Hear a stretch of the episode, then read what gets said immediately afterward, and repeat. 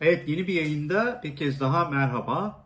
Ee, Dün öğleden sonra bir haber yayıldı Türkiye'ye. Cumhurbaşkanı Erdoğan e, ardından da Berat Albayrak e, peş peşe benzer açıklamalar yaptılar ve Cuma gününün Türkiye için çok özel bir gün olduğunu söylediler ve bir müjde açıklayacaklarını yani bir müjde verdiler ama ne olduğunu bilmiyoruz. Hemen ardından tabii akşam bu açıklamalardan sonra ajanslara yayılan haber hem yerli hem de uluslararası ajanslara yayılan haberlerde Karadeniz açıklarında doğalgaz ya da petrol yataklarının bulunduğu şeklinde bir haber yayıldı.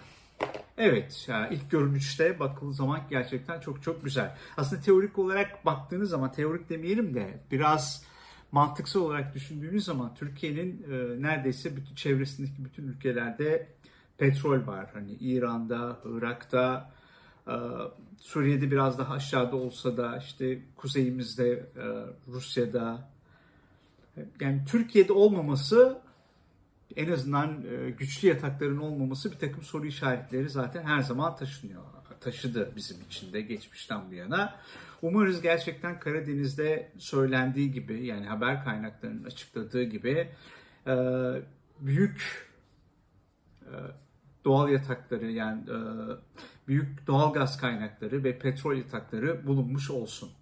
Peki bu aslında çok güzel. Elbette ki bir Türkiye Cumhuriyeti vatandaşı olarak Türkiye'nin de kendi doğal kaynaklarının olması kadar iyi bir şey yok. Peki bunu müjdeli kılan ne? Yani gerçekten bunu hemen gerçekten çıkarıp paraya dönüştürebilecek miyiz? Bunlar için ne kadar yatırım yapmamız gerekiyor? Artı şu anda Rusya'dan ve İran'dan aldığımız doğalgazın ne kadar anlaşmaları var, ne kadar süre daha onlara bağımlıyız. Aslında burada pek çok soru işareti var sadece bunun fizibilitesi açısından. Ama uzun vadede baktığımız zaman şu bir gerçek ki Türkiye'nin kendi doğalgazının, kendi petrolünün, kendi doğal kaynaklarının olması çok güzel bir şey. Peki bu tek başına bir müjde anlamını taşır mı gerçekten? Ya da bir ülkenin doğal kaynaklarının olması o ülkeyi otomatik olarak demokratik, özgür mü yapıyor? Aslında bakıyoruz pek öyle değil. Yani dün bir sosyal medyada paylaşmıştım. İşte baktığınız zaman biraz önce adını andık. İran'da, Arabistan'da, Irak'ta, Venezuela'da, Rusya'da da petrol var. Tabii Amerika'da ve Kanada'da da var. E demek ki bu biraz önce e, Amerika ve Kanada'yı bir kenara bıraktığımız zaman diğer saydığımız ülkelere baktığımız zaman evet doğal kaynakları var, petrolleri var, doğal gazları var. Ama demokrasi ve özgürlük konusunda belli bir standarda gelebilmişler mi bu ülkelere baktığımız zaman? Hayır. Tam tersine bütün bu ülkelerde dar bir yöneten sınıf var. Tamamen klientelist, dayanışmacı, nepotizmin hakim olduğu. Yani Rusya ve Venezuela'yı da bir kenara bıraktığım zaman onlar da seçimle gelmiş bir şeyden bahsetmek mümkün. Ama asla o ülkelerde bir özgürlükten bahsetmek, bir refahtan bahsetmek mümkün değil. Belli bir tabaka evet refah, özgür yaşıyor, çok ekonomik olarak çok güçlü ama toplumun çoğunluğuna baktığımız zaman yukarıdaki refah alta yansımış değil. Şimdi burada da aslında Türkiye içinde benzer bir tehlike söz konusu. Yani bu doğal kaynakların bulunması, bunların uzun vadede ekonomiye katkı, katkı olarak yansıması, evet Türkiye'yi ekonomik olarak mutlaka rahatlatacaktır. Kişi başına düşen gelirin artmasına yol açacaktır. Ama bu bu yönetim anlayışı sürdüğü sürece bunun demokratikleşmeye, bunun özgürlüğe, bunun hukuktaki endeksimizin, düşünce ve ifade özgürlüğü endeksimizin yükselmesine bir katkısı olabilecek mi sorusunu ben düşündüğüm zaman dünden bu yana bunu ne yazık ki ben olumlu bir cevap verme şansım yok. Çünkü onun da nedeni şu andaki yönetim anlayışının dayandığı zihniyet. Şimdi bu ne şu anda? Bir tarafta çok katı bir artık devletçilik var ve bu devletçiliğin dayandığı zihniyet otoriter zihniyet. Yani otoriter zihniyet ne demek? Doğruyu teke indiren ve iktidarda olanın tanımladığı her şeyin mutlak olduğunu varsayan ve bütün toplumun da buna uymasını vaz eden bir anlayış. Tek kimlik, homojen bir toplum, tek doğru, tek gerçek. Ve işte Türkiye'deki örneğleri görüyoruz ki işte tek dini anlayış. İslam için söylediğimiz zaman. E diğer taraftan baktığımız zaman atarki bir yapı var. Yani siyasi iktidarın özellikle AK Parti'nin içinden çıktığı kültürel kimlik. Atarkilik ne diyor? Toplumsal olarak baktığımız zaman zihniyet düzleminde yukarıdan aşağıya bir nizam alem varsayıyor. Bir hiyerarşi ve bu hiyerarşinin en üstünde Tanrı var ve Tanrı'dan aşağı inerek insan, kadın, diğer canlılar ve cansız maddeler. Şimdi böyle bir hiyerarşi var. Bu şu andaki Türkiye'nin e, yönetim anlayışı bu iki zihniyetin birbirine eklemlenmesi. Yani ater, ataerkelliğe eklemlenmiş bir otoriter yönetim ya da otoriter yönetime, zihniyete eklemlenmiş bir ataerkillik şu anda hakim. Türkiye'yi yönetenler açısından yani Türkiye'nin yönetim anlayışı bu. Ve bu yönetim anlayışı değişmediği sürece de ben bulunacak doğal gaz ya da doğal kaynakların ekonomiye girdiği andan itibaren, ekonomi bir veri olarak girdiği andan itibaren şu andaki var olan e, yönetici elitlerin bundan yararlanabileceğini ama toplumun bütün e, geniş kesimlerinin bundan yararlanma imkanının olmadığını düşünüyorum açıkçası. Yani şu anda biliyorsunuz aslında e, işte 5 tane değil mi büyük şirketten bahsediliyor. Bunlar Türkiye'nin yaptığı bütün büyük yatırımların ihalesini alıyorlar ki geçtiğimiz yıllarda yapılan bir e, araştırmada dünyadaki en çok ihale alan 10 şirketten 5'i bu Türkiye'deki şirketler. Ki bir de Türkiye'nin hani yatırım şeyini dünyanın diğer bütün büyük ülkeleriyle kıyasladığınız zaman yani Amerika ile Rusya ile Çin'le vesaire yani bu şirketlerin aldığı e, ihalelerin büyüklüğünü herhalde tasavvur etmek herhalde çok e, güç olmaz. E, nitekim yine bu e, kurumların devletle yaptığı ihalelerde biliyorsunuz bir madde var ve eğer diyor ki taraflar yani devletle bu şirketler arasında bir ihtilaf olursa diyor ilgili mahkemeler diyor uluslararası tahkim ve Londra'daki mahkemeleri. Yani bu şirketler aynı zamanda hani yerli ve milli olarak devlet tarafından, iktidar tarafından bu kadar e, destekleniyorlar. Ama diğer taraftan e, bir devletle arasında bir şey anlaşmazlık olduğu zaman Türkiye'deki mahkemeler değil, uluslararası mahkemeler yani tahkime gidiliyor. Dolayısıyla da aslında baktığınız zaman işte sermaye doğal olarak aslında şey e, yerli de değil, milli de değil. Çünkü sermayenin yerli ve milli olma şansı yok. Çünkü sermaye için asıl olan kardır.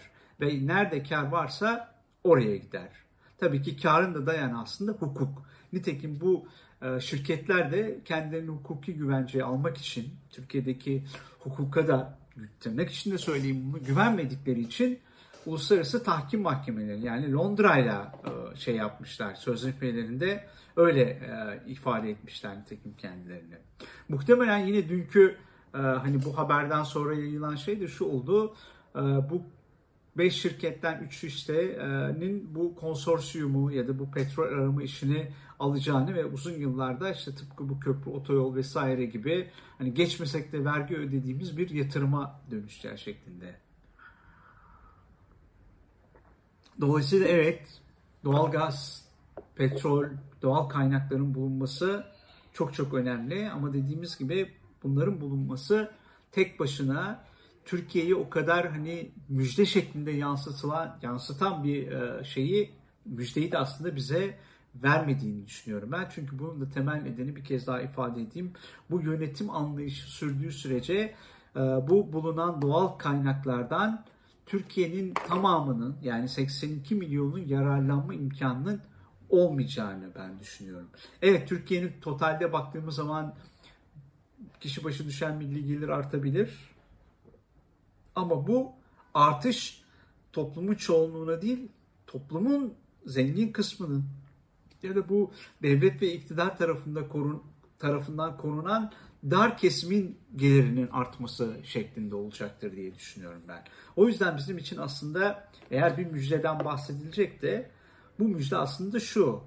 Yeniden demokrasiye dönüş, yeniden ortak akla dönüş, yeniden hukuka dönüş, yeniden demokrasiye dönüş ve yeniden siyasete dönüş olacaktır.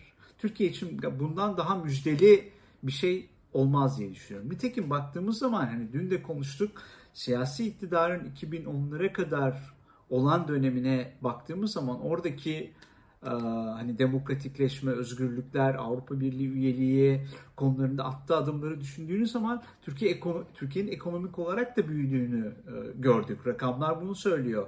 Nitekim yurt dışından pek çok yatırımcı geldi. Burada büyük yatırımlar yaptılar. Bakın ne zaman ki hukuktan e, dönüldü yani hukuk ki güvence kalmadı. Bütün yatırımcılar yerli ve yabancı yurt dışına gitti. Sadece sermaye gitmedi. Beyin göçü de oldu. Yani gençler hani özellikle hani böyle 40 yaş altı gençler, 25-40 yaş altı gençler ya da 25-20'den itibaren üniversiteyi bitirir bitirmez ya da üniversiteyi okumak için yurt dışına gittiler. Üstelik daha zor koşullar olduğu halde yurt dışına gittiler. Çünkü Türkiye'de özgürlük, Türkiye'de hukuk, Türkiye'de demokrasi olmadığı için kendilerine Türkiye'de kendi yaşam tarzlarını Türkiye'de rahatça sürdürmekten duydukları endişeden dolayı. O yüzden bence hani bir kez daha ifade edeyim ki eğer bir müjde olacaksa bizim beklediğimiz müjde demokrasiye dönüş, hukuka dönüş siyaseten de ortak akla dönüş. Onun dışındaki hiçbir müjdenin Türkiye'yi orta ve uzun vadede e, refaha eriştireceğini ben ne yazık ki düşünmüyorum. Sadece eğer bir petrol ya da doğal kaynak bulduğu zaman siyasi iktidar muhtemelen e, seçimi zamanında yapmaya çalışacak ve bunun üzerinden belli bir hamasetle yeniden iktidar olmanın ve şu andaki düzenin biraz daha kendi içinde konsolide olmasını, kurumsallaşmasını sağlayacak. Bu da aslında Türkiye'yi bir anlamda e, petrolü olan batılı ülkeler gibi değil, tam tersine petrolü olup da e, otoriter olan işte Çin gibi, Rusya gibi e, ya da Arabistan gibi böyle daha elit bir grubun zengin olduğu ülkeyi yönettiği bir ülke haline e, dönüştürme riski olduğunu düşünüyorum. Yani bu açıdan bu müjde bize verilmiş bir müjde değil bu müjde siyasi iktidarın muhtemelen kendi tabanlarına, kendini destekleyen toplumsal kesimlere ve e, siyasilere verdiği bir müjde olabilir diye düşünüyorum ben açıkçası. E, evet bu durumda peki e, yani muhalefet muhalefet ne yapacak? E, muhalefet tabii ki hani dedi, programın başında dediğimiz gibi e, Türkiye'nin bir ulus devlet olarak, bağımsız bir ülke olarak doğal kaynak bulunması elbette hani buna ben sevineceklerinden hiçbir kuşkum yok. Ama ben yine de muhalefetin de aslında bütün siyasetini şu ana kadar yapmaya çalıştığı gibi demokrasi, temel hak ve özgürlükler ve hukukun yeniden güçlendirmesi, siyasi alanın yeniden genişlemesi üzerine kurmaya, bunun için mücadele e, etmeye devam etmelerini herhalde e, şu anda hani söylemekten başka elimizden bir şey gelmiyor. Dediğimiz gibi bizim için yani Türkiye Cumhuriyeti vatandaşları için en büyük müjde petrol ya da doğal gaz bulunması değil. Tabii ki bunlara karşı olduğumuz için değil bulunması elbette bizim doğal zenginliğimiz açısından çok değerli. Ama asıl olan bunun bütün Türkiye'nin faydasına olacak mı olmayacak mı sorusu. Ben verili durumlarda bunun olmayacağını düşünüyorum. Bunun eğer bulunduğu zaman ve ekonomiye katkı e, girdi olarak e, kazandırıldığı zaman da dar bir grubun bundan yararlanacağını, toplumun büyük bir kesiminin de bundan faydalan namayacağı riski olduğu için ben bunu hani toplum adına evet kaynak olmamız açısından e, e, sahip olmamız açısından önemli ama toplumsal yarar açısından baktığımız zaman ne yazık ki o kadar olumlu olacağını düşünmüyorum. Bu ancak dediğimiz gibi var olan zihniyet sürdüğü, yönetim anlayışı sürdüğü sürece toplumun dar bir kesiminin faydalanacağı, geniş kesimin tam tersine bundan yararlanmayıp daha da fakirleşeceği ve yönetim sistemi olarak da var olan tek adam, otoriteryen sistem artık adına ne diyeceksek yani dar bir grubun yönetiminin daha konsolide olup bu sistemin biraz daha kurumsallaşacağı için bizi batılı demokrasik ülkelere değil daha doğulu otoriter ülkelere benzeteceği endişesindeyim. Evet ama e, sonuçta müjdeyiz müjde. Yani müjde müjdedir. Hatta dünden beri şöyle bir şey yapıyorlar ya müjde çorapları vardı. Müjde müjde size Parizyenli müjde size zarif esnek rahat çorap müjde müjde. Böyle bir şimdi reklam müziği vardı. Onları sözlerini yazıyorlar. Ben de aslında farkındaysanız yeşil yani petrol yeşili bir gömlek giydim. Ee, biraz açık yeşil bir e, fincanda kahve içiyorum. Bütün bunlar da aslında petrol ürünlerinin yan şeyinin biraz renkleri olduğu için o mesajla şey yaptım. Ama dediğimiz gibi evet umarız müjde söylendiği gibi tüm Türkiye'ye yararlı olur ama benim endişelerimi paylaştım. Bizim için dediğim gibi bir kez daha söyleyeyim en büyük müjde demokrasiye, özgürlüklere, hukuka ve adalete dönüş olacaktır. Ee, evet, şimdi bitiriyoruz. Ee, abone olmayı ve bildirimleri açmayı unutmayın. Ee, herkese güzel bir gün diliyorum. İstanbul e, güzel bir gün ve programın yayınlanacağı akşam olduğu için güzel bir akşam e, diliyorum. Saygılarımla.